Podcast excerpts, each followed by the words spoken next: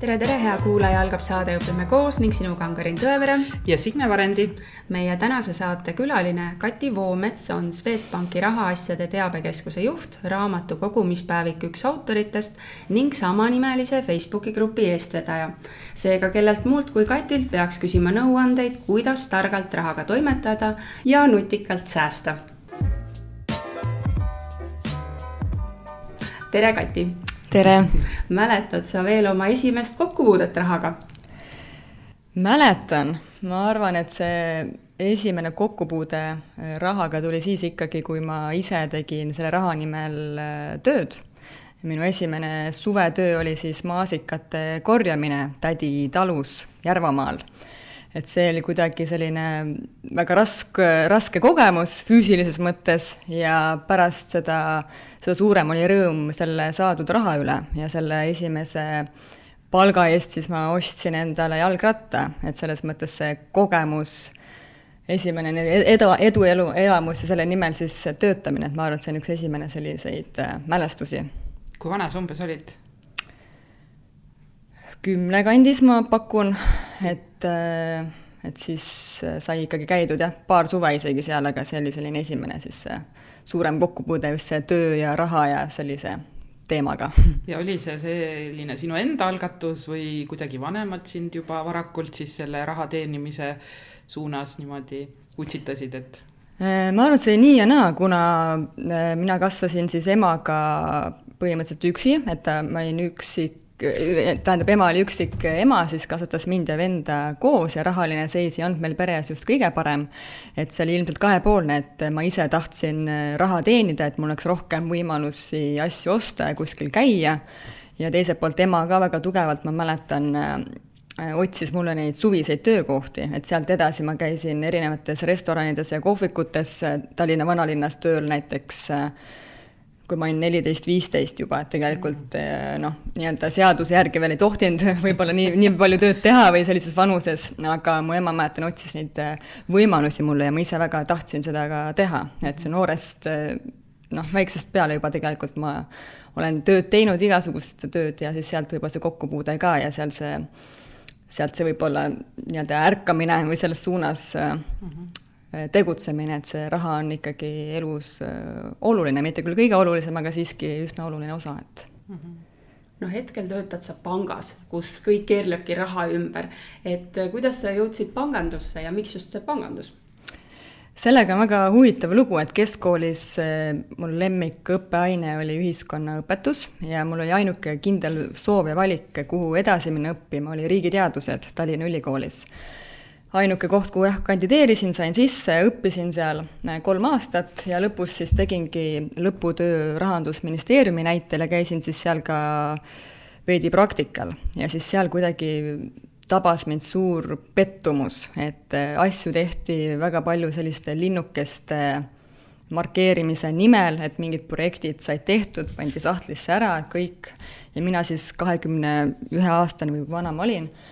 et ma olin nii nagu pettunud, kuidas niimoodi saab teha, et mina küll, noh, ma ei õppinud kolm aastat selleks, et nüüd tulla kuskile ministeeriumisse tööle ja tehagi asju linnukese äh, kirjapanemise nimel, et mina ikka tahan teha nagu päriselt mingeid asju ära. ja siis ma lõpetasin ülikooli ära ja siis ma teadsin, et ei, et avaliku sektori mina küll tööle ei lähe ja siis äh, hakkasin CV keskuses ringi vaatama, et mida siis põnevat veel on pakkuda ja sattusingi kuidagi Swedbanki telleri töökuulutuse peale kandideerisin, sain tööle, isegi imestan, et mind pandi kohe sinna kesklinna äh, Foorumi kontori, äh, Foorumi kontorisse siis telleriks, kus siis äh, oli kõige suurem klientide arv päevas, seal kuus-seitsesada inimest käis päevas tol ajal. ja pluss siis pooled neist olid veel vene keelt kõnelevad, mina vene keelt nii pani maju, on ju et ühesõnaga siis sain sinna tööle, siis seal sain väga korraliku sellise Mm, ka töökogemuse ja hästi kiirelt pidi nii-öelda õppima ujuma, et pidi kõik selgeks tegema, kõik pangateemad, eraisiku juriidilise isiku teenindamised, kõik pärimisprotsessid, et absoluutselt kõik asjad ja kiiresti mõlemas keeles, et see oli hästi nagu tugev, tugev töö, töökool nii-öelda. siis sealt edasi mingi aeg ma silmasin siseveebis töökuulutust Rahaasjade Teabekeskuse juhi kohale, mul läksid silmad põlema, ma mõtlen, et see on täpselt mina, et mina olengi täpselt see, keda seal otsitakse, aga ilmselgelt ma sain nagu aru, et minu kogemused ja koolikogemus samamoodi ei ole päris sellele vastav mida seal ikkagi nõuti. Ja siis ma printisin selle töökuulutuse endale välja, panin sahtlisse, mõtlesin, et nii, kunagi ma tahan ikkagi sinna jõuda. ja läks umbes kolm aastat mööda, vahepeal töötasin veel privaatpanganduse osakonnas pangas ja siis, siis sain sinna kohale, et uuesti vabanes see koht ja ma kandideerisin ja selleks ajaks ma tundsin, et ma olengi selle jaoks juba, juba valmis, et ma olin nagu piisavalt juba kogemust omandanud et ka enne seda privaatpanganduses töötades, et seal ma teenindasin siis Eesti kõige-kõige jõukamaid kliente, et said kõik poliitikud, ärimehed, kõik sellised Eesti kõige-kõige rikkamad inimesed. Ja seal ma nägin, et inimene teenis kümme tuhat eurot kuus sissetulek ja kuu lõpus näpud põhjas. võttis väikelaenu, SMS-laenu, kõik krediitkaardid tühjad ja niimoodi aastast aastasse ja me tegime talle jõuga mingisugused püsikorraldused ja kolmandad sambad, et kuule, et äkki ikka viissada eurot suudaksid säästa kuidagi, et vaikselt hakkasime nagu suunama teda. Ja samas ma mõtlesin, et telleris töö, tellerina töötades kontoris ma nägin äh, vanaemasid, kes said viissada eurot pensioni ja käisid minu juures iga kuu, et teeme ülekanne ülekande minu lapselapsele, et kanname talle kolmkümmend eurot, et ma tahan teda toetada. ja siis hakkaski mõtlema, et tegelikult ei ole vahet, et kui palju sa ikkagi seda raha teenid, et oluline on see, et kuidas sa sellega ümber käid. et sealt ma enda jaoks kuidagi ka sain nii palju häid nagu mõtteaineid ja noh, nägin, kuidas reaalselt inimesed rahaga käituvad, see on nii erinev ja ma hakkasin süvitsi rohkem uurima, et millest see tuleneb ja ja miks see nii on tegelikult. et äh, nüüd jah, pika jutu lõpetuseks, tegelikult kümme aastat saab nüüd siis mul sel aastal pangas juba, et tegelikult väga-väga pika, pikaaegne kogemus, aga aga just on hästi huvitav olnud näha seda inimeste käitumist rahaga mm. -hmm hästi-hästi põnev ja kohe jõuamegi sinna rahatarkuse teema juurde, aga ennem veel küsiks seda, et, et kas sul koolis oli ka mingi kokkupuude nii-öelda siukse rahatarkusega, majandusõpe näiteks võib-olla koolis oli sellel ajal või, või nagu ma aru saan, siis panka sa läksid tegelikult äh, ilma mingisuguse sel-, otseselt selle teadmiseta, et sa ei olnud majandust lõpet-, majanduse lõpetanud inimene, eks ju jah, koolis ma hakkasin mõtlema, et tegelikult kokkupuudet põhimõtteliselt ei olnud mm, -hmm. et esimesed üheksa aastat ma käisin Kiili gümnaasiumis ja edasi ma läksin siis äh, Tallinnasse Pirita Majandusgümnaasiumisse, et nimi oli küll Majandusgümnaasium, meil oli küll ettevõtlusõpe seal mingil määral, aga see kuidagi tol hetkel jäi minu jaoks nagu nii, nii kaugeks, et seal sai valida siis erinevaid suundi, et oli ka raamatupidamine, ettevõtlus ja siis oli ka turismindus. ja ma valisin tol ajal turisminduse suuna, sest mulle tundus, et see ettevõtlus ja see raamatupidamine, et see on noh, minu jaoks need numbrid on, et issand, et ei, et ma ei taha, et mulle ei meeldi, see nii kuiv teema aga, aga jah, mul oli selles mõttes selline äh, rahatarkuse nii-öelda õpe koolis ikkagi puudus, ma ütleks. et see on ikkagi kõik tulnud ise õppides ja ise huvi tundes selle vastu aga nüüd äh, Karin juba sissejuhatuses mainis, et on äh, kogumispäeviku raamat ja Facebooki grupp, aga et millega sa igapäevaselt äh, rahaasjade teabekeskuse juhina tegeled? et hetkel oled küll lapsehoolduspuhkusel, aga, aga mis oli võib-olla see igapäevatöö, et ongi see selline siis lihtsalt info jagamine erinevate kanalite kaudu või või kellega sa kokku puutud ja? see Rahaasjade Teabekeskus on tegelikult Baltikumis juba alates kaks tuhat kümme tegutsenud, Rootsis on ta viiskümmend aastat ja rohkemgi tegutsenud ja selle eesmärk äh, oligi see, et edendada inimeste rahatarkust, et äh, tegelikult nähti, et seda teadlikkust on ikkagi ühiskonnas üsna vähe, et Rootsis ilmselgelt on natuke teine ajalugu ja teised äh, juba jah, nii-öelda tavad ja teadmised selles osas, aga Baltikumis ikkagi pärast seda eelmist finantskriisi saadi aru, et tegelikult asjad võib-olla, et inimesed ei ole võib-olla nii teadlikud, kui me arvasime, ja siis loodigi selline üksus nagu teabekeskus ja lihtsalt öeldes jah, meie eesmärk on siis rahatarkuse edendamine ja kuidas me seda teeme, on see, et alguses oli vaja üldsegi aru saada, et mis olukord on et me hakkasime hästi palju tegema uuringuid, analüüse erinevate uuringufirmadega koostöös, et üldsegi aru saada, milline on inimeste rahaline seis, kuidas nad suhtuvad rahasse, mis nad üldse mõtlevad sellel teemal, et hästi-hästi palju oli see algusaastatel selline analüütiline üksus. Äh, nüüd, mida aeg edasi, kui mina sinna nii-öelda läksin juhiks, siis mina sain aru, et tegelikult seda kogemust on niivõrd palju kogunenud, seda teadmist, seda analüüsi, aga nüüd on aeg seda kuidagi rohkem hakata ikkagi levitama. et just see hästi suur osa minu tööst on ikkagi selline kommunikatsiooni võib-olla juhtimine, et kuidas seda teadmist siis ikkagi inimesteni viia ja kuidas saada ikkagi aru, et et üks asi on teadmine, kuidas siis inimesi panna käituma selle teadmise järgi, et see on hästi suur lõhe Eestis, et võib-olla me sinna teemani veel jõuame, aga aga põhimõtteliselt täiesti suur murekoht Eestis ja mujal on ka see, et inimesed teavad küll hästi palju, aga nad ei käitu vastavalt sellele. Et kuidas seda lõhet siis nagu vähendada. ja kuidas me seda siis eh, teeme, kuidas mina seda tegin, oli ka see, et eh, sotsiaalmeedias hästi palju, et üks oligi see kogumispäeviku grupp sai loodud, siis hästi palju otsekommunikatsiooni, koolides käisime eh, õpilastele esinemas, korraldasime erinevaid seminare, vestlusringe, hästi palju üritasime ikkagi oma teemasid saada meediasse, et kirjutasin päris palju artikleid, selliseid noh, rohkem ka praktilist laadi, et mida siis teha, kuidas rahaga käituda, miks pensioniks peaks koguma ja nii edasi. Et sellist kommunikatsioonitööd oli hästi palju seal ja mingeid praktilisi abivahendeid eh, ka sai loodud, et näiteks eelarve koostamise põhjad Excelis, et inimene tahab hakata eelarvet tegema, kuidas alustada, et nii, võta see Excel, sisesta enda numbrid ja sul on see eelarve olemas mm. -hmm ja ettevõt-, näiteks äriplaani loomise tööriist, sellise asja sai ka tehtud, et äh, kui keegi tahab ettevõtlusega alustada, oma ettevõtet luua, et kuidas seda siis teha, tegime samamoodi niisuguse põhja valmis, et nii, mis sa tahad panna kirja oma idee, kuidas, mõtle kõik sammud läbi, et hästi-hästi selline lai oli see tööpõld ja kõik see, et mida täpselt, äh, kuidas seda rahatarkust siis edendada. et äh, uuringud, analüüsid hästi suur osa, aga ikkagi ka see, et kuidas seda lõpuks siis ka inimesteni viia on see kerge või raske ülesanne, et mulle tundub, et Eesti inimene on natuke sihuke tõrges sellist, eriti panga poolt sellist infot vastu võtma, et kui, kui raske see töö on? tegelikult ei ole raske, kui asja ikkagi südamega teha ja ise sellesse uskuda, et ise pead olema ka ikkagi eeskujuks, et kui, et kui sa ise sellesse ikkagi usud ja sa tead, et see teadmine ja see info on nagu vajalik, et siis on tegelikult seda teha lihtne, aga nagu sa ütlesid, et äh, väga paljudel on just selle panga suhtes võib-olla see tõrksus, et issand, et mingi pankur tuleb nüüd rääkima, aga see Rahaasjade Teabekeskuse hästi suur selline mm, moto ongi see, et me oleme ikkagi nagu sõltumatud, et kui me räägime rahatarkusest, siis me ei räägi, et sa pead tegema Swedbanki selle kolmanda samba, et me räägime lihtsalt, et kolmas sammas on nagu mõistlik, mõistlik asi, mida teha, et see ei pea olema tingimata sul Swedbankis, võib olla ka tulevas näiteks.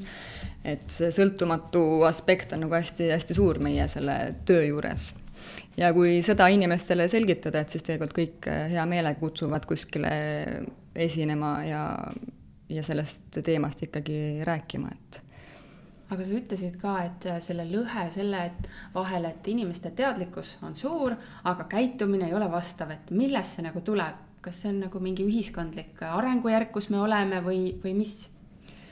seal on äh, mitu aspekti, et üks asi on äh, kindlasti see ühiskondlik ajajärk, et äh, eriti Eestis, kui vaadata, et meil ei ole eeskujusid, me oleme tulnud Nõukogude ajast, meie börs on tegutsenud alates seal üheksakümnendate algusest alles, kui me võtame võrdluseks näiteks Rootsi, kus siis börs juba loodi tuhat kaheksasada kuuskümmend kolm-neli, midagi sellist, et see on ikkagi olnud aastasadu rohkem kogemust kui üldsegi Eestis. Et äh, ajalooline kogemus, eeskujude puudumine, et kõik see, noh, inimesed on ikka väga pessimistlikud selle raha osas ja hästi sellised äh, arusaamad on, et äh, rikkus on paha asi ja et et kõik see ju mõjutab seda meie käitumist. aga teine asi on kindlasti selline lihtlabane nii-öelda psühholoogiline pool, et äh, sama ju kehtib ka toitumises, me ju kõik teame, mis on tervislik, me teame, et see aurutatud köögivili on tervislikum, aga siiski õhtul pärast tööd me lähme McDonaldsist läbi, võtame selle burgeri, sööme ära, kuigi me teame, et see on vale, aga me ikka käitume niimoodi. et see raha, raha käitumises tegelikult on sama, et me küll teame, et me peaksime säästma, aga noh, kurat, nii ilus kleit on ja sooduka ka veel, et ma lähen ostan selle ära. et see selline inimpsühholoogia lihtne tegelikult, et see käit-, noh, jah, toimib nii näiteks toitumise puhul kui raha, raha puhul samamoodi nii, aga see raamat Kogumispäevik on meil siin laua peal ka olemas ja Facebooki grupis oleme mõlemad liikmed ka, et räägi võib-olla nendest, et need on sellised võib-olla silmapaistvamad äh, tavainimesega õpetaja jaoks, et on kokkupuuted. et kuidas need alguse said ja võib-olla kellele need on ja milleks ja, ja mis abi sealt äh, saab Facebooki grupp Kogumispäevik sai siis loodud kaks tuhat seitseteist aasta lõpus ja esimene eesmärk oli tegelikult see, et me suunaksime selle noortele inimestele. et me kaasasime sinna mitmeid äh, tuntuid Youtube erid,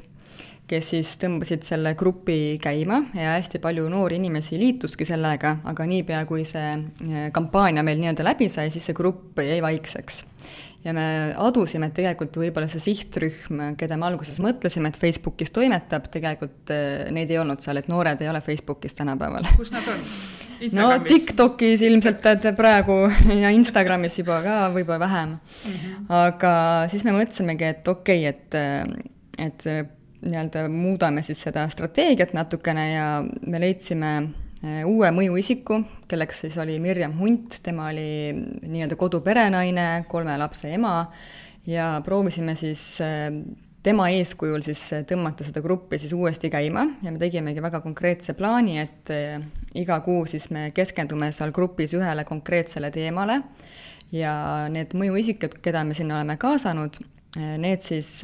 hoiavad seda teemat fookuses ja läbi enda kogemuse siis kajastavad neid teemasid seal ja meile üllatuseks siis eh, kuidagi me suutsime kõnetada seda õiget sihtrühma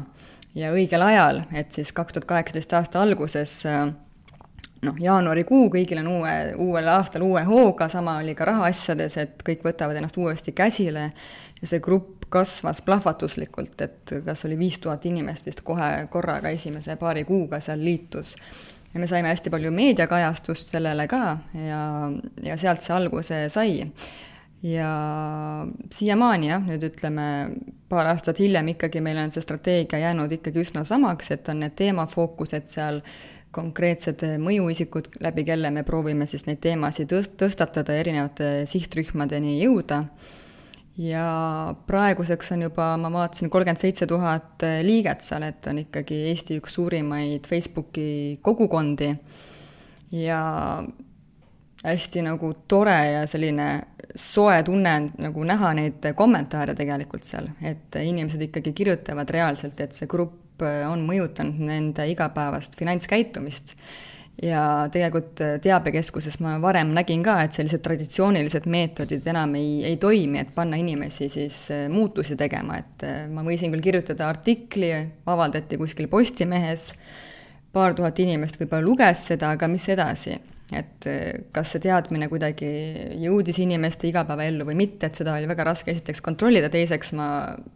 kahtlustan, et see väga tegelikult ei, ei mõjugi niimoodi inimestele.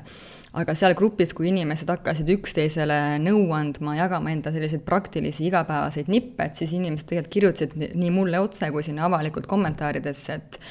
et issand jumal, et see nipp toimis ja ma hakkasin seda kasutama ja ma sain nii paljusid inspiratsiooni ja motivatsiooni ja ma hakkasingi nüüd enda rahaasju nüüd teise pilguga vaatama.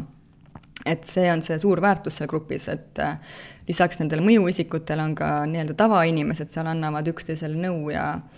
jagavadki enda päris ja praktilist äh, kogemust ja see raamat sai siis loodud selle, selle baasilt, et me vaatasime, et seda head materjali on siin nii palju kogunenud, et kuidagi tahaks selle talletada, et äh,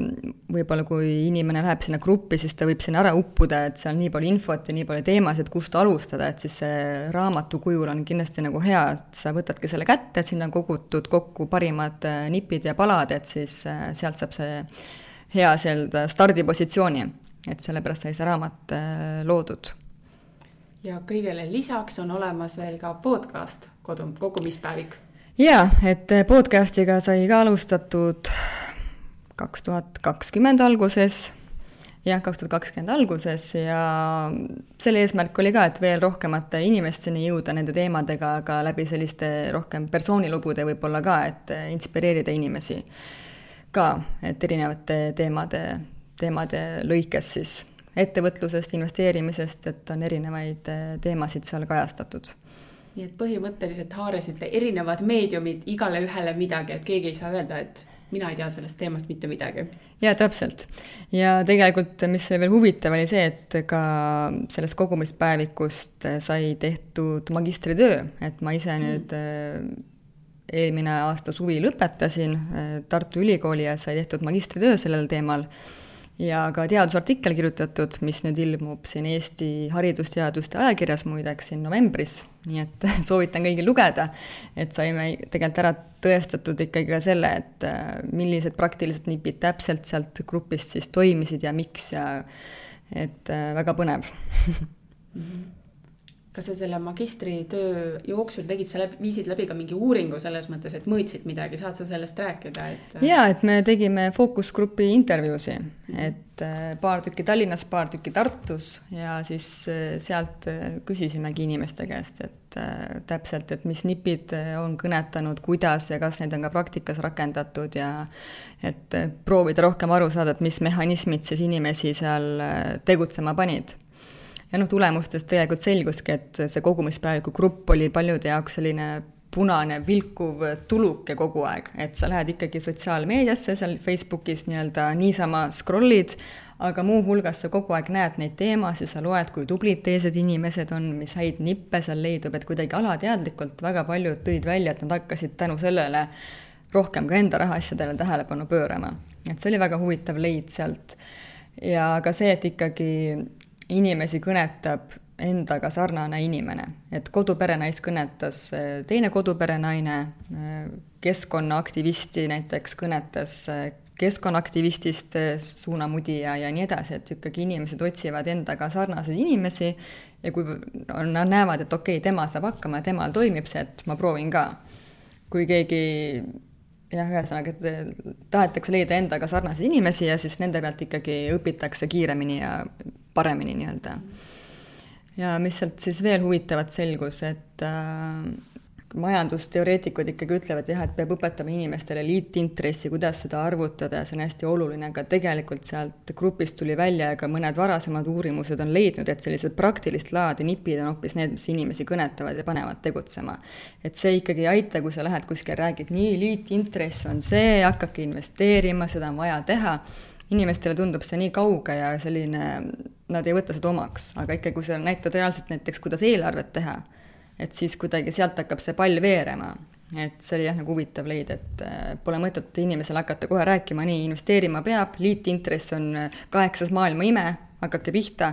et see on hästi kauge inimeste jaoks, aga kui sa hakkad step by step vaikselt väikestest asjadest pihta, siis saab see eduelamuse inimene kätte ja sealt hakkab see huvi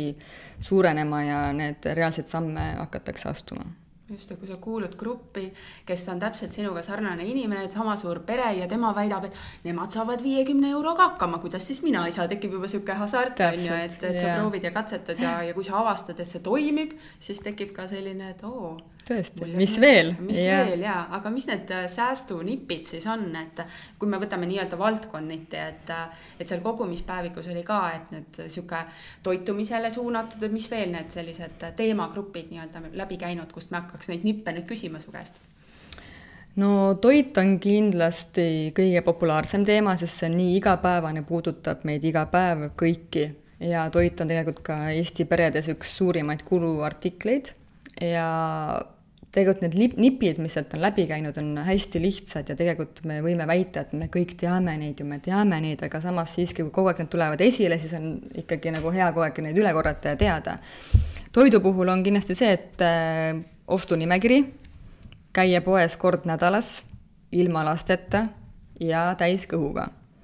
et see viimane asi oli huvitav, et mul ühed tuttavad Viljandis, et noh, viiekümneaastased umbes, kuulsid seda nippi kuskil, ma olin rääkinud sellest, et täiskõhuga peab poodi minema, siis nad ütlesid, et aa issand, ma polegi varem sellele mõelnud, tegelikult nii loogiline, lihtne asi, et sa ei lähe tühja kõhuga, kus hakkad siis krahmama endale šokolaadi ja küpsiseid korvi, sööd kõhu täis õhtul, lähed siis poodi. Lihtne asi, aga tegelikult kui palju see võib raha säästa. E. E-poode võimalusel kasutada, et äh, üldse tellida toit koju.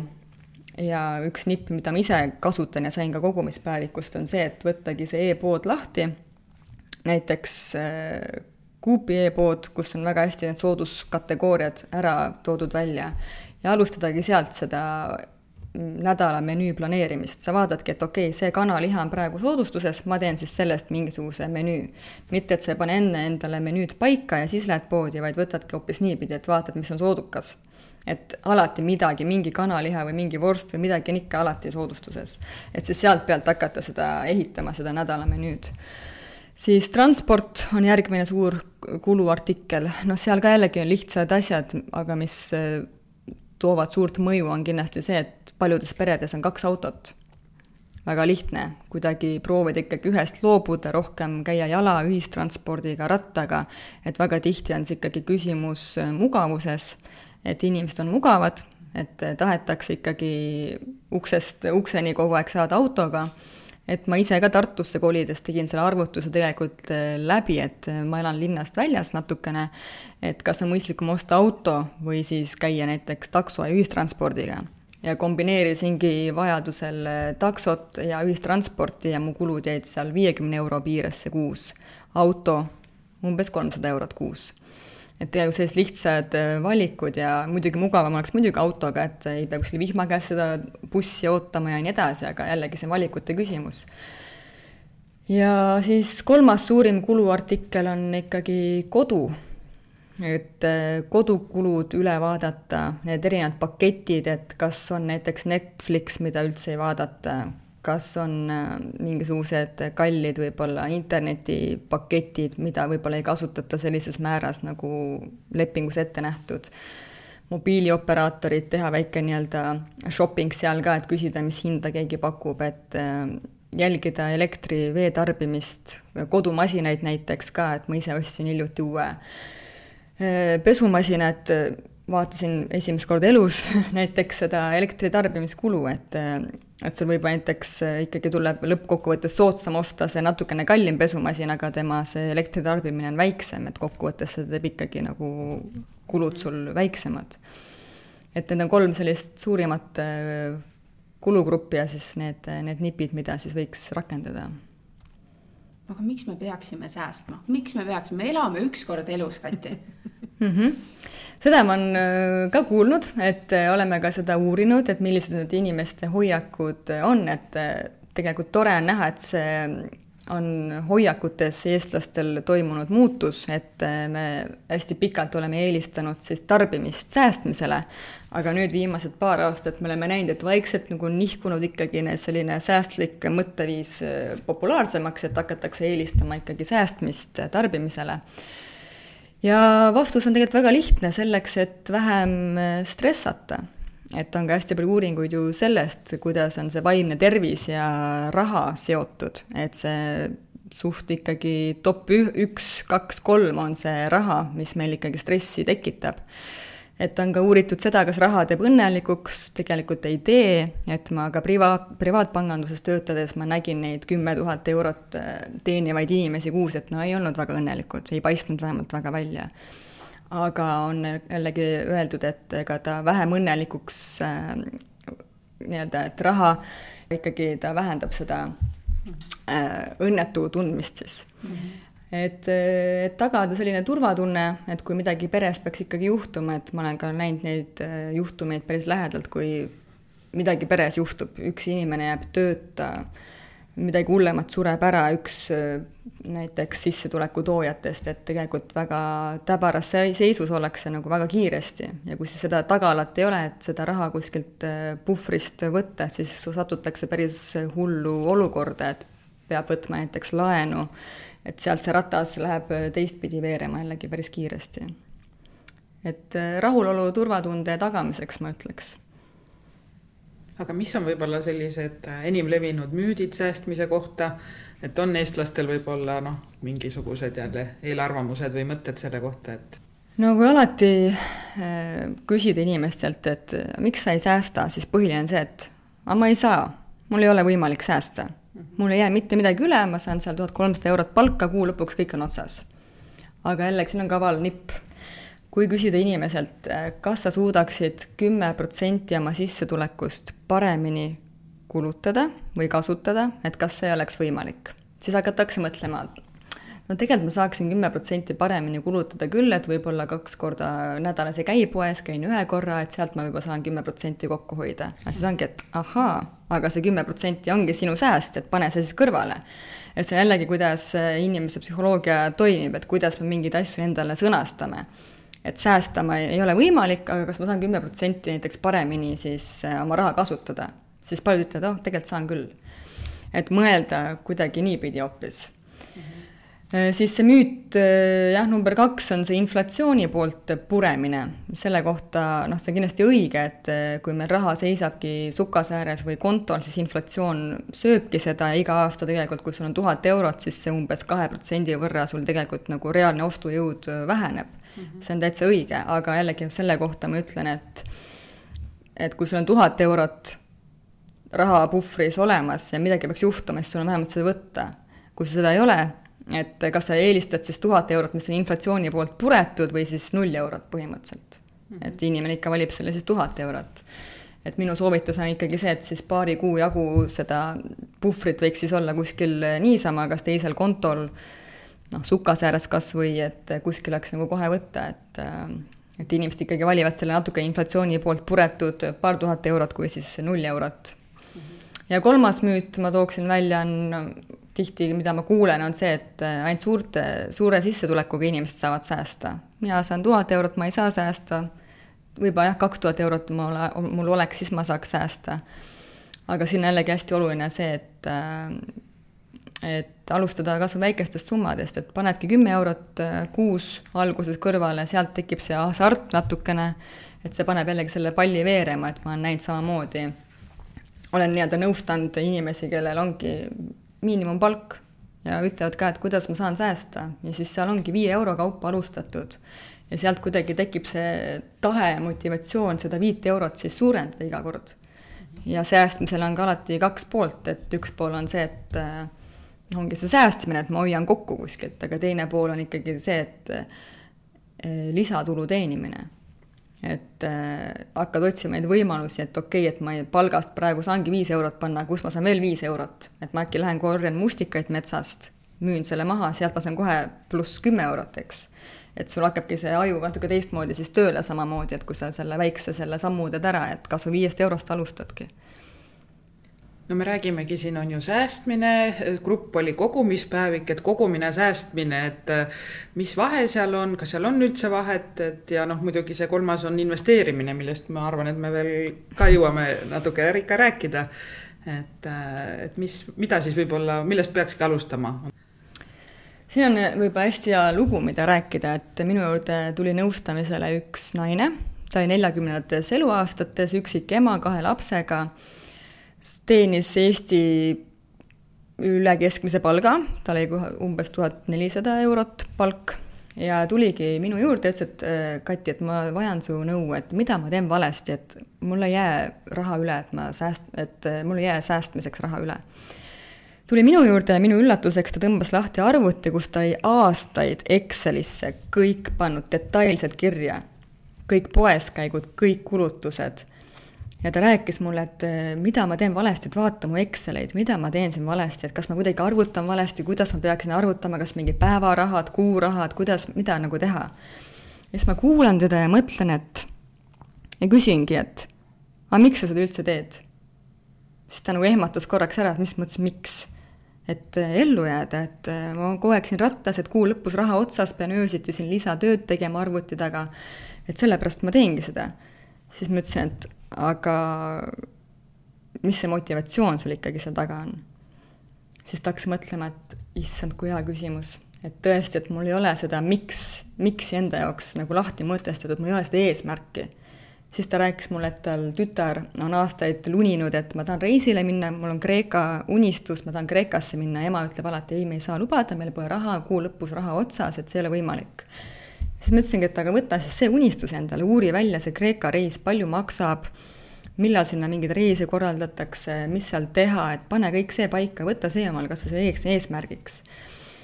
ja tal kuidagi silmad läksid õnn-, minule õnneks, minule noh, hea oli näha, et läksid särama sellest kohe, et issand, et tõesti, ja siis läkski minu arust pool aastat mööda ja ta kirjutas mulle, et tütar läks Kreekasse et tegelikult see alustama peab ikkagi nagu eesmärgiks, eesmärgist, et miks sa seda teed, et niisama Excelis numbreid kirja panna, see ei ole üldse ju motiveeriv, see ei ole üldse noh, mõnele võib-olla meeldib, aga mulle isiklikult ka ei meeldi absoluutselt see nokitseda. et see on kindlasti oluline osa, et sa nagu jälgid oma kulusid ja tulusid, aga see, et miks sa seda teed, sul peab mingi eesmärk ikkagi olema mm. -hmm. mõtle läbi lühiajalised eesmärgid, pikemaajalised eesmärgid ja pane hästi konkreetselt kirja, see on see SMART mudel, mida noh, nii, niisama eesmärgistamisel ju ka kasutatakse. et on konkreetne kuupäev, kõik asjad. et tahan osta diivanit, maksab kuussada eurot, järgmise aasta märtsiks, nüüd iga kuu pean panema, ma ei tea, kuuskümmend eurot kõrvale. ja see ongi väga konkreetne eesmärk. eesmärk ei saa olla see, et ah, tahaks mingi reisile minna kunagi kuskile. et see on hästi niisugune hägune, aga pane konkreetselt kirja et sellest peaks alustama, et siis lähevad asjad ikkagi, sa hakkad selle nimel rohkem nagu tööd tegema. siis ongi säästmine, kogumine, säästmine ongi siis see, et sa vaatad äh, näiteks poes, vaatad kilohinda, võrdled, mitte ei vaata pakihinda ja nii edasi, et võiks väiksed sellised nipid. kogumispäevikust kindlasti on hästi palju neid äh, saab leida ja noh, kogumine selles mõttes, et võikski olla kogutud siis äh, paari kuu väljaminekute suurune rahapuhver, et see on selline hädaabifond, et kui midagi peres juhtub, kas või läheb pesumasin katki, kust sa võtad selle kolmsada eurot. Või võib-olla natukene vähem, aga ikkagi, kust sa selle raha järsku võtad, et et vähemalt mingi, mingi summa on olemas. Ja edasi ongi siis jah, investeerimine, et see raha, mis sul siis nii-öelda veel sellest säästupuhvrist siis nii-öelda üle jääb, et siis see ei kaotaks oma ostujõudu, et siis sa seda kuskile mõistlikult ka investeeriksid. et see on nii-öelda see rahatarkuse trepp mida ma nimetan, et päris hästi saab seda visualiseerida ette, et on nagu ikkagi astmed, et on ka, ma käin koolis õpilastele rääkimas säästmisest ja investeerimisest, siis on paljud küsinud, et miks ma üldse pean säästma, et see tundub nii igav ja nii mõttetu, et ma tahaks kohe investeerida. siis ma ütlesin, palun väga, kust sa raha võtad selleks? Sa pead ennegi säästma ja koguma, et seda raha endale tekitada, et sul oleks, mida investeerida et see tundub küll, et investeerimine on seksikas ja säästmine on niisugune ebaseksikas ja niisugune halva maiguga, aga tegelikult, et äh, on niisugune step by step, ma ütlen, et sa ei saa ühest astmest nagu hüpata kõige kõrgemale, ilma et sa nagu neid teisi astmeid läbi ei, ei kolistaks ei käiks. no sa juba mainisid jah ära, et siin on ju, et tahad tahaks kohe hakata investeerima, aga tõesti enne pead ju koguma, et muidu ei ole midagi investeerida et äh, kui me nüüd mõtleme natukene õpetajate peale, siis äh, noh, kindlasti on õpetajaid, kes investeerivad, äh, võib-olla ju kõik, mitte võib-olla, kindlasti te teate kõik Kristi Saaret, kes on ka meie saates käinud aga kindlasti on ka õpetajaid, kes ei investeeri ja, ja ma ise nagu eeldan, mõeldes enda pealegi, et äh, miks ma näiteks ei investeeri. et ma ei tea sellest nagu piisavalt ja ma tunnengi, et see on selline mingisugune kauge maa, nagu sa mainisid, ainult väga targad jagavad seda asja ja, ja et, et noh kuidas ma nagu pihta hakkan, et kas ma loen raamatust selle kohta, mul ei ole ju aega, et lugeda, pole ka võib-olla motivatsiooni, on ju. kas ma hakkan tegutsema kohe, et kuidas sellele investeerimisele siis läheneda, et kas ma hakkan kohe tegutsema või ma kõigepealt peaks ikkagi uurima, õppima? tegelikult mina soovitan neid kahte asja siis äh, koos hakata tegema, et sa hakkadki tegutsema ja selle kohta uurima siis paralleelselt mm. -hmm. et äh, ma alguses, kui ma alustasin ka investeerimisega, ma käisin koolitustel, kuidas investeerima õppida ja nii edasi ja ma kohtasin seal ühte enda kolleegi pangast. ja siis sattusime vestlema, ta oli analüütik pangas ja ta ütles, et ta on kolm aastat käinud investeerimiskoolitustel, lugenud lõputult raamatuid ja siis ma küsin, noh, et kuhu sa oled investeerinud. ai, ma ei ole veel kuskile investeerinud, sest praegu ei ole kõige parem aeg investeerimiseks, et praegu on tead niisugune halb, halb aeg, et arvatakse, et tuleb siin majanduskriis ja ma ikka tead, hoian veel ja ootan, hoian seda raha ja ootan ja veel loen ja käin koolitustel. siis ma hakkasin mõtlema, et okei okay,, et kas tõesti võtab siis nii kaua aega, et kuskil esimene samm teha mm. -hmm. ja siis ma ikkagi hakkasin ise ka vaikselt pihta juba väikeste summadega, et tegelikult siis tuleb see kogemus, siis tuleb see huvi. et on olemas ka erinevad virtuaalkontod, näiteks ma tean, LHV-l on, et saad seal katsetada, proovida, aga minu kogemus ikkagi näitab seda, et kui sa ikkagi reaalselt seda ühte eurot mängu ei pane, siis seda huvi tundma ei hakka. et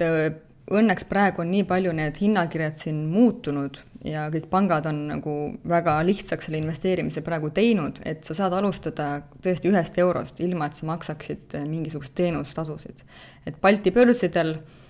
ühe euro kaupa saad juba põhimõtteliselt alustada ja osta midagi. et ostage näiteks üks Tallinna Kaubamaja aktsia kohe automaatselt hakkad huvi tundma, nii, millega see kaubamaja tegeleb, nii, ohoo, seal on Selveri toidupood on ju sees tegelikult, kui ma käin Selveris iga päev poes, ütleme, okei okay,, iga päev ei käi, kord nädalas käin poes. Nii, siis tegelikult ma hakkan huvi tundma, kuidas sellel Selveril tegelikult läheb, kuidas neil see käive on, kuidas see kasum on, on ju, et kuidagi vaikselt hakkad nagu huvi tundma, et tegelikult läbi selle aktsia omamise sa oled tegelikult selle justkui nagu poe omanik, eks, kaubamaja omanik nii-öelda võid öelda mm. -hmm. et sealt hakkab see huvi ikkagi tõusma, et kui sa ainult loed ja kuidas nii, mingi PE suhe, nii mingid asjad, kasumid, marginaalid, mingid asjad, see ajabki, noh, see ongi tegelikult, sinna võib minna nii süvitsi, et sa ikkagi lõpuks upud sinna ära. aga minu see nii-öelda idee ja mõte ja soovitus on ikkagi see, et hakka, hakka ikkagi kohe ise ka pihta, et sa ei pea kuskilt mingit hästi kaugelt USA turult mingisuguseid imelikke instrumente ostma, millest sa aru ei saagi või sa ei peagi kohe krüptovaluutat ostma. alustasid kodust, millest sa aru saad, seesama näiteks Tallinna Kaubamaja, mis on näiteks Selveri toidupood ka, kuulub sinna, eks, sa saad aru, sa näed, et see pood toimib, see töö, töötab, on ju, enam-vähem hakkad aru saama, mis see äri seal taga võib olla. Et alustasid kodust ja investeerisid sinna, millest sa ikkagi enam-vähem noh, aru saad, et et äh, ja soovitan siis jällegi samamoodi hoida kursis ennast nende teemadega. raamatuid lugeda muidugi, Kristi Saare ise on kirjutanud ka minu arust väga hea raamatu, kuidas invest-, kuidas investeerimisega alustada, Jaak Roosaare need rikkaks saamise õpikud on minu arust fantastiliselt ka lihtsalt ja hästi kirjutatud illustreerivate näidetega. Äh, blogisid igasuguseid on ju praegu tekkinud väga palju pankade kodulehekülgedel avaldavad need analüütikud äh, prognoose näiteks samamoodi, kuidas mingil ettevõttel läheb, et äh, lihtsalt siis sealt hakata nagu pihta, et äh, et see esimene samm võib ollagi hästi hirmutav, aga tõesti see summa, ütleme paar aastat tagasi tegelikult see barjäär oligi palju suurem, et sul ei olnud mõtet näiteks noh, ütleme alla tuhande euro isegi võib-olla investeerida, et need teenustasud lihtsalt olid nii suured. aga praegu põhimõtteliselt paari euro kaupa juba saad hakata vaikselt pihta ja siis see huvi ka kasvab no peab näed? paika, minu puhul on, et ongi, kui ikka sa oled selle esimese raha mängu pannud mm -hmm. nii-öelda, siis juba oled konksu otsas ja hakkad yeah. vaatama ja ja kui on julgustavad inimesed ümber ja kes ütlevad samamoodi, et jaa, ma alustasingi selle ühe või kümne euroga näiteks, et ja ma ei jaga siiamaani näiteks, mis ma teen, aga no ma vaatan, et ta seal on, vahepeal on punane, vahepeal on roheline mm, -hmm. aga noh, ma ei tee temaga midagi, on ju, et see on nii väike summa selles mõttes, aga lihtsalt jah, see huvi nagu kerkib ja siis sa jagad neid teadmisi ja et, äh, et õde oli see, kes mind nagu niimoodi on utsitanud ja julgustanud ja ma ütles just hiljutigi, et oleks ma kümme aastat tagasi noh, või et oleks ma kahekümne aastasena nagu teinud, alustanud sellega, et kus ma praegu oleks, on ju, et oleks keegi mulle ometi öelnud, et noh, hakka kõr niimoodi investeerima kasvõi väikeste summade kaupa, kus ma oleks olnud mm. -hmm. ja siis nüüd ma sain aru, et tegelikult pole kunagi liiga hilja, nüüd me siis mõlemad oleme siin niimoodi jalgfaasis, nii et nii tore, et sa meil siin oled, saamegi kohe küsida neid, neid rahatarkust siis juurde ja, ja julgust ka saada aga. jah, et alustamiseks ei ole kunagi liiga hilja, et eks see aeg on üks oluline faktor, et äh, mida varem sa alustad, loogiline on, et rohkem jõuad koguda, liitintressi jõuab rohkem seal tööd teha. aga siiski tegelikult, kui sa alustad seal kolmekümne, neljakümne, viiekümne aastaselt, tegelikult jõuad veel omajagu koguda ja investeerida, et ei ole kunagi liiga hilja mm. -hmm julgustan. Aga kui me räägime nendest instrumentidest, sa ise tõid nüüd välja selle aktsia, et, et see on selline käegakatsutav asi, et, et kas see on selline, mis sa ütled, et nii, et alustage sealt või, või mis instrumente sa veel soovitaksid või mis sa ise näiteks kasutad, mis sul, mis sul on käes? nii, ma soovitan alguses äh, ikkagi kolmandat sammast et äh, paljud inimesed, äh, mulle tundub, et on ära hirmutatud sellest sõnast pension, et pensioni kolmas sammas, et tegelikult äh, see ei ole kuidagi seotud mingi riikliku pensioniga või selle teise sambaga, et see on täiesti eraldiseisev toode, see on, seal on palju erinevaid valikuid, siis erinevaid fonde, ja miks ta on nagu hea, on see, et riik soodustab sinna kogumist tulumaksusoodustusega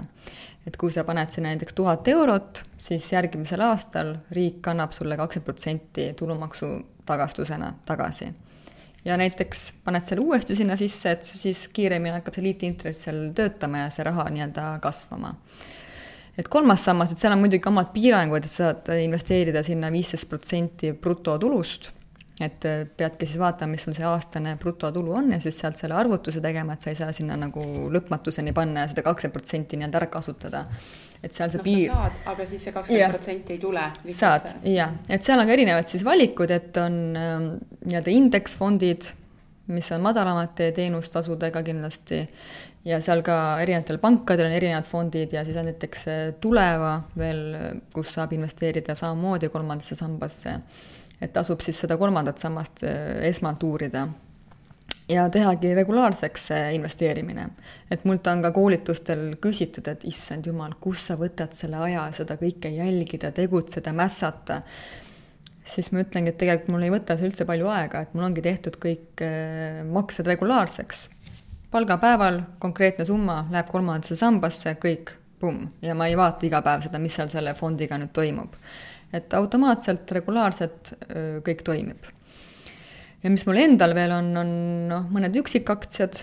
et lihtsalt kuna mind ennast natuke keskmisest rohkem see teema lihtsalt huvitab, et siis ma olen ostnud Eestist, USA-st mõned ja mis ma veel hakkasin seoses näiteks lapse sünniga, et ma hakkasingi mõtlema, et issand, kuidas see inimese aju ikkagi jälle töötab, et kui laps sünnib, siis sa mõtled, et issand, sul on vaja kõiki maailma asju vaja kokku osta, et mis mul kõik vaja on ja kuidagi automaatselt teistmoodi hakkad mõtlema, isegi mina, kes ma olen võib-olla rahatargem kui muidu, et siis mõtlesin, et okei okay,, nüüd piir on siin, et ma hakkan hoopis uurima seda teist poolt, et mis ettevõtted selle taga nende kogu selle laste teema kõik see on tohutu ju äri, et kõik need laste riided ja vahendid ja kosmeetikad ja asjad, hakkasin neid firmasid uurima, kes tegelevad sellega. ja hoopis ostsin näiteks Johnson and Johnsoni aktsiaid. et kuidagi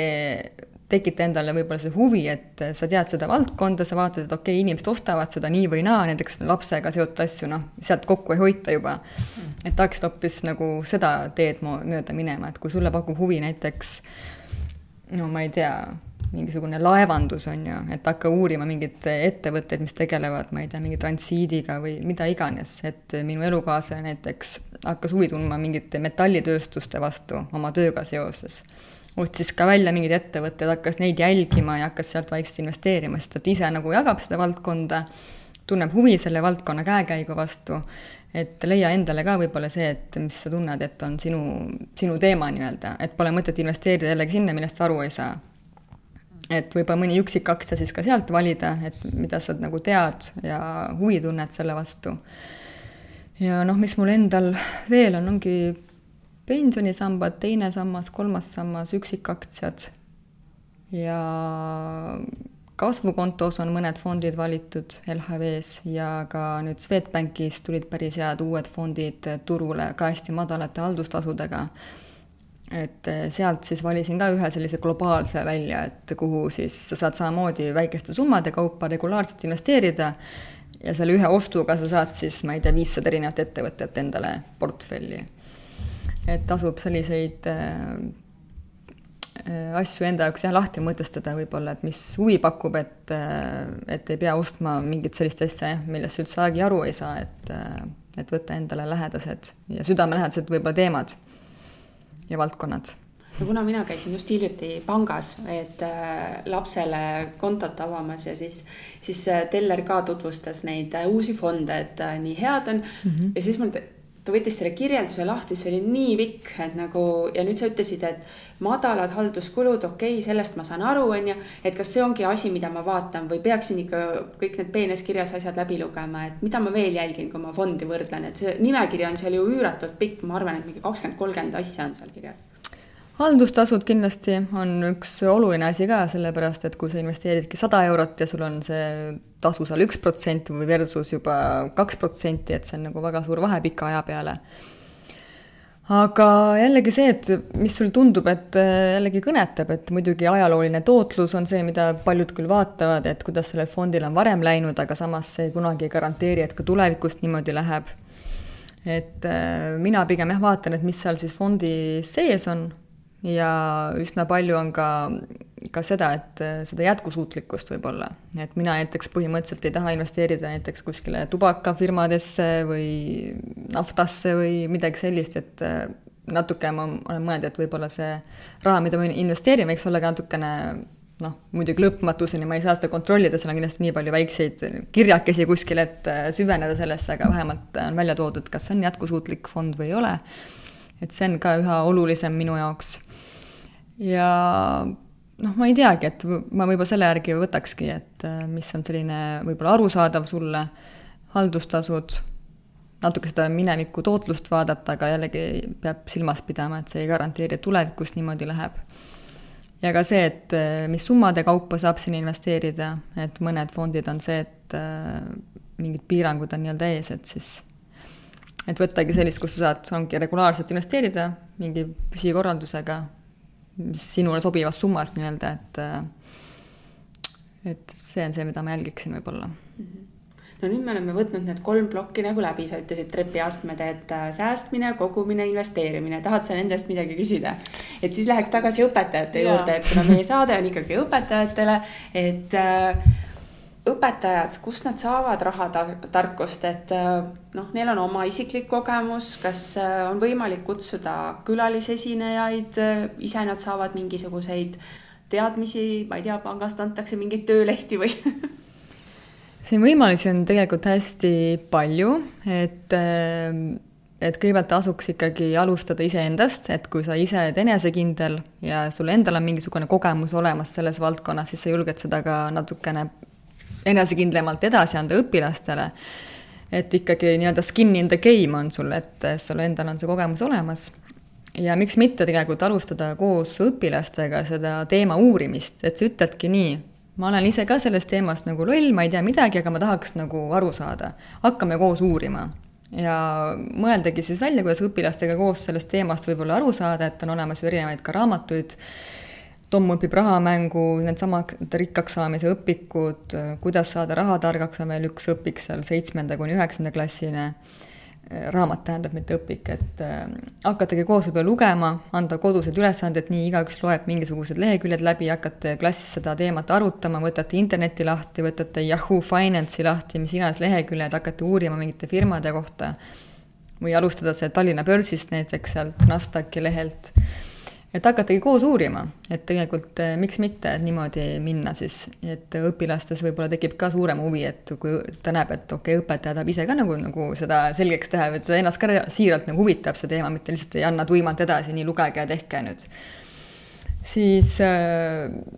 ma tean, et Rahandusministeeriumi eestvedamisel ja koostöös selle ettevõtliku kooliga nad teevad neid mentorklubisid nüüd üle Eesti, kus siis õpetajad eh, saavad ka kokku, neil tehakse selline väike seminar, koolitus seal, nad saavad omavahel kogemust jagada, et sellised mentorklubid võib-olla, et jällegi, et su sarnased inimesed, sama teema,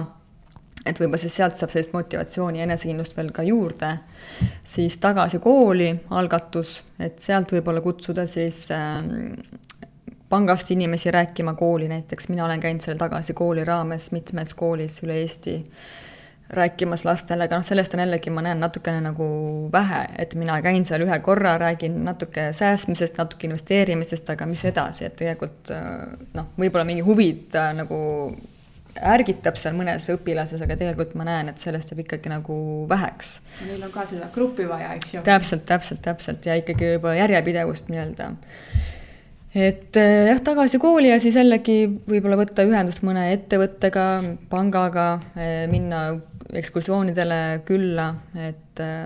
kas või noh, ettevõtlusküla näiteks, ma tean, Tartus, Tallinnas toimib, et ka päris head sellised praktilised harjutused, näited, et aga noh, ma arvan, et see kõige suurem nii-öelda võti on ikkagi see õpetaja ise, et kui ta ise tunneb selle vastu huvi, siis ta leiab ka neid mooduseid ja lahendusi, kuidas seda teemat õpilasteni viia et mul üks hästi hea näide, paar aastat tagasi ma korraldasin ühe vestlusringi, teemaks oligi siis õpilastele rahatarkuse jagamine. ja käis üks õpetaja seal vestlusringis, ta oli kodunduse käsitöö õpetaja, Kristi Teder, ma ei mäleta, mis koolist ta küll oli, kas Järvamaalt kuskilt, aga ta tõi nii hea näite, mis mul siiamaani on nagu meeles kodunduse tund, mõtled, et nii, see ei ole võimalik rahatarkust ju edasi anda. aga mis tema tegi? tema siis mõtles välja rahvusköökide teema. et andis õpilastele kätte siis erinevad rahvusköögid, et mis Hiina toit, Tai toit, mis iganes köögid veel on olemas. ja siis nad andsid eesmärgiks, et teatud rahasumma, selle piires peab siis valmistama selle rahvusköögi toidu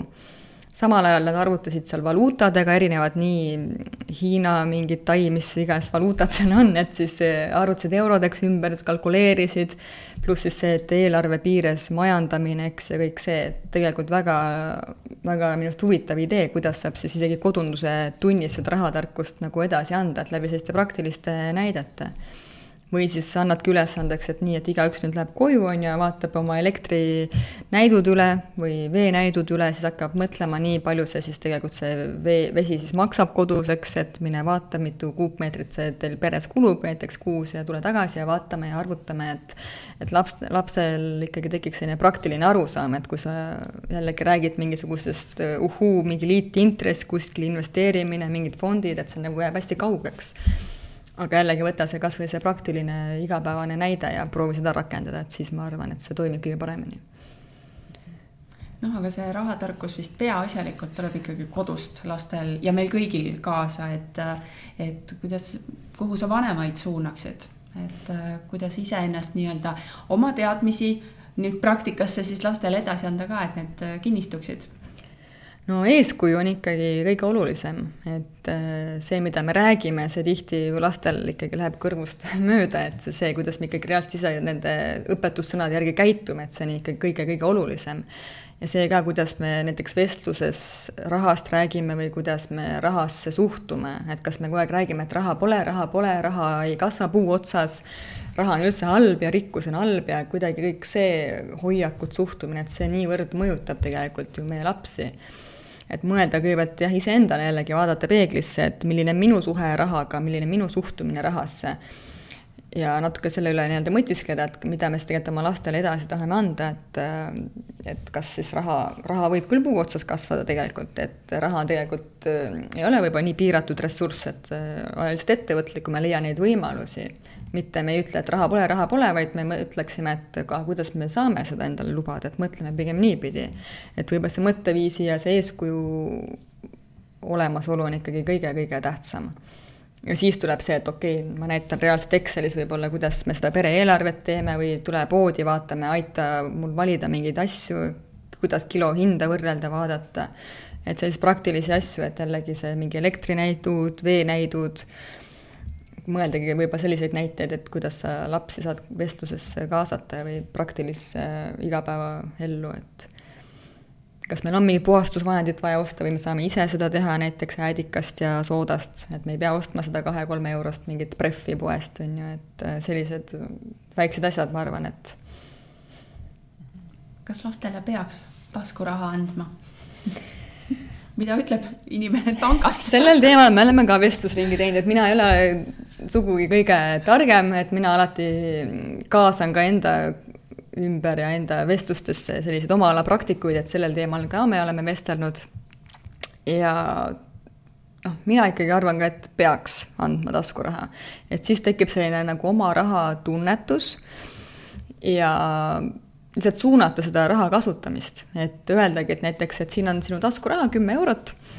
aga et sa võiksid sellest suunata kakskümmend protsenti näiteks kogumisse, kümme protsenti näiteks annetad üldsegi ära, et natuke seda annetamise teemat ka võib-olla tuua sisse, et see on oluline, et ühiskonnal kõigis, kõigil ei lähe nii hästi, et võib-olla seda nagu empaatiat lapsel suurendada nii palju läheb näiteks investeerimisse ja nii edasi, et kuidagi suunata seda rahakasutust. Et mis küll ei ole hea toon ja mis on ka näiteks üks psühholoog, ma mäletan, tõi välja, et, et ei ole hea ikkagi taskuraha siduda nende koduste töödega. Et okei okay,, vii prügi välja, ma annan sulle viis eurot, et see ei ole väga hea selles mõttes, et laps kuidagi õpibki siis ära, et ma teen mingeid asju kodus raha pärast. et tegelikult me ju reaalselt äh, teeme süüa, koristame, et see on kõik ühise kodu heaolu nimel, et me ei ole, tee seda selleks, et igaüks saaks mingit raha selle eest et see ei ole nagu hea seda siduda nende tegevustega, aga lihtsalt, et andagi kord kuus mingi summa või kord nädalas, kui on väiksem laps, et siis ta ei oska veel nii pika perioodi peale planeerida. Ja siis andagi lihtsalt suunised, et mida selle rahaga siis teha võiks. anda mõtteid, näiteks selline kogumispurkide süsteem, ma tean, üks ema kasutas, et andiski nädalas kümme eurot, siis oli kogumispurgid, säästmine, investeerimine, annetamine ja siis see laps panigi nii kaks eurot sinna, noh ise valis siis, et kuidas ta selle raha siis ära kasutab, noh kulutamine oli vist neljas purk nii-öelda, et ikkagi läks poodi ja ostis kommi ka, mis siis peab ka ikkagi lapsele jääma, see rõõm on ju. et lihtsalt suunata seda rahakasutust aga mõtleme korraks nende tudengite peale, kes nüüd värskelt lõpetavad ülikooli ja, ja näevadki seda võimalust, et ahah, pakutakse lähtetoetust, et kui lähed maakohta tööli, tööle, siis on võimalik saada kaksteist tuhat eurot kaksteist tuhat seitsesada kaheksakümmend kolm eurot ühekordse väljamaksena kätte. kui sa oled nüüd noor ja selline ei jaga võib-olla neid asju ja lähed veel sinna maakohta tööle, oled üksinda, et, et kui sa, kui sina oleksid selles olukorras, mis sa selle rahaga teeksid? See on hea küsimus. Eh, kindlasti nii noorel inimesel ei ole veel ilmselt kogutud sellist säästupuhvrit, et mina ise ülikooli ajal ikkagi säästsin ainult selleks, et reisida või midagi ilusat endale lubada, et mul ei olnud lihtsalt paari kuu väljaminekute suuruses summat kuskil kontol, et ma kindlasti sealt võtaks eh, noh, paar tuhat eurot maha, paneks endale kuskile teise panka, teise, teise kontole, et ma ei näeks seda raha, et see oleks mul kuskil taga, tagavaraks nii-öelda olemas ja edasi sõltub ikkagi sellest eesmärgist, et mida ma siis tahan teha, miks mul seda raha võiks vaja minna. et kui sa näiteks oled seal koolis, tead, et viis aastat, pärast seda mõtled näiteks, et tahaks minna välismaale ennast täiendama aastaks ajaks, juba mõtled ette sellele ja sa tead, et sul seda raha näiteks viie aasta pärast vaja, siis ilmselgelt see investeerimishorisont on üsna lühike, viis aastat, siis peaks vaatama mingit instrumente, mis oleksid madalama riskiga, näiteks võlakirjad, võlakirjafondid. kui sul on pikem see eesmärk, näiteks tahadki pensioniks see raha jätta, et või teades tahad varakult pensionile jääda seal viiekümne aastaselt näiteks, ei taha enam tööl käia palga, palga pärast nii-öelda, siis äh, võiks valida võib-olla midagi agressiivsemat, aktsiaid, aktsiafondid. Et panna ikkagi see, see raha tööle. Ja muidugi sealt kohe paarsada eurot näpistaks selles, selleks, et osta näiteks raamatuid, käia kuskil koolitustel, kuulata podcast'e, et ikkagi natuke harida alguses ka. et mina, ma tean, ülikooli ajal tegingi oma esimese investeeringu üldse kohe ostsin, pumm, tuhande euro eest Alibaba aktsiaid. tegelikult polnud õrna aimugi, ma teadsin, et see Ali, Aliekspress on ju on, kus saab igast Hiina kaupa tellida ise ma olin tellinud sealt ilmselgelt midagi, tundus, et nii, see on super hea investeering, tuhat eurot, pumm, mul oligi see ainus tagavararaha. läkski pool aastat umbes mööda ja mul läks seda raha vaja, ma ei mäleta, midagi juhtus, et mul oli seda raha nagu hädasti vaja. pidingi maha müüma kõik. no õnneks mul oli suht nulli seis, et see ei olnud selle poole aastaga nagu langenud vaadates täna näiteks seda Alibaba aktsiat, siis ta on ikka üsna volatiilne, et siin miinus kümme protsenti, miinus kakskümmend protsenti on siin vahepeal langenud. et ikkagi aktsia puhul sa pead arvestama, et need lühiajalised kõikumised on päris suured, et kui sa tahad seda raha kolme aasta pärast välja võtta või varemgi, et sa ei pruugi seda sada, sama raha nagu tagasi saada, mis sa sinna sisse panid, et kui ikkagi see eesmärk on see raha enam-vähem säilitamine et siis peaks valima selliseid instrumente, mis siis on natukene madalama riskiga, et äh, see on selline investeerimise abc võiks ikkagi olla selgeks tehtud. madalam risk, madalam tootlus, kõrgem risk, kõrgem tootlus. et see on selline, kui keegi pakub sulle ma ei tea, kakskümmend protsenti tootlust ja ütleb, et see on täitsa riskivaba, et anna raha siia ja ma investeerin näiteks, et siis peaks ikkagi väga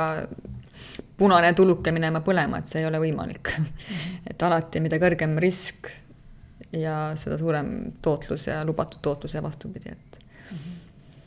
et oleneb noorest ja tema eesmärkidest. ja nii nagu iga ainetund õpetajana peab omama eesmärki, siis Täpselt. iga selline suurema rahasumma investeerimine, hoiustamine, säästmine, kõik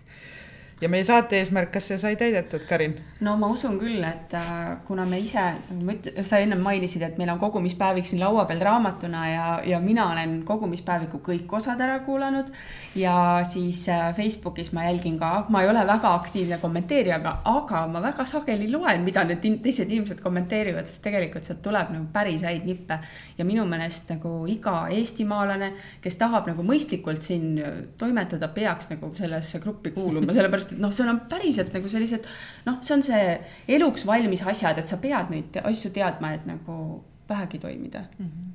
ja praegu on seal Henri Jak-, Jakobson, kes toimetab, temagi Aa, meie meie- saates jah. käinud, äh, kolme lapse isa, et Anna Lutter oli meil pikalt. just, õpetaja on ju, nii et tuttavad näod leiate ka sealt ees ootamas. Just nii, et tänuväärset tööd teed sa, Kati, et äh, jõudu, jaksu. aitäh! ja kui sul tuleb veel ideid, kuidas me kõik rahatargaks saame, siis anna aga tuld ja anna meile märku.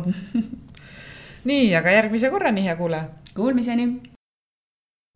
kui sinagi said koos meiega täna uusi mõtteid ja inspiratsiooni, siis anna taskuhäälingule hoogu juurde, likei, jaga ja kommenteeri meie postitusi sotsiaalmeediakanalites. Kui soovid taskuhäälingut Õpime koos toetada, siis täname sind annetuse eest MTÜ Tartu Loomemaja arveldusarve kontole. kõik vajalikud lingid leiab saate kirjeldusest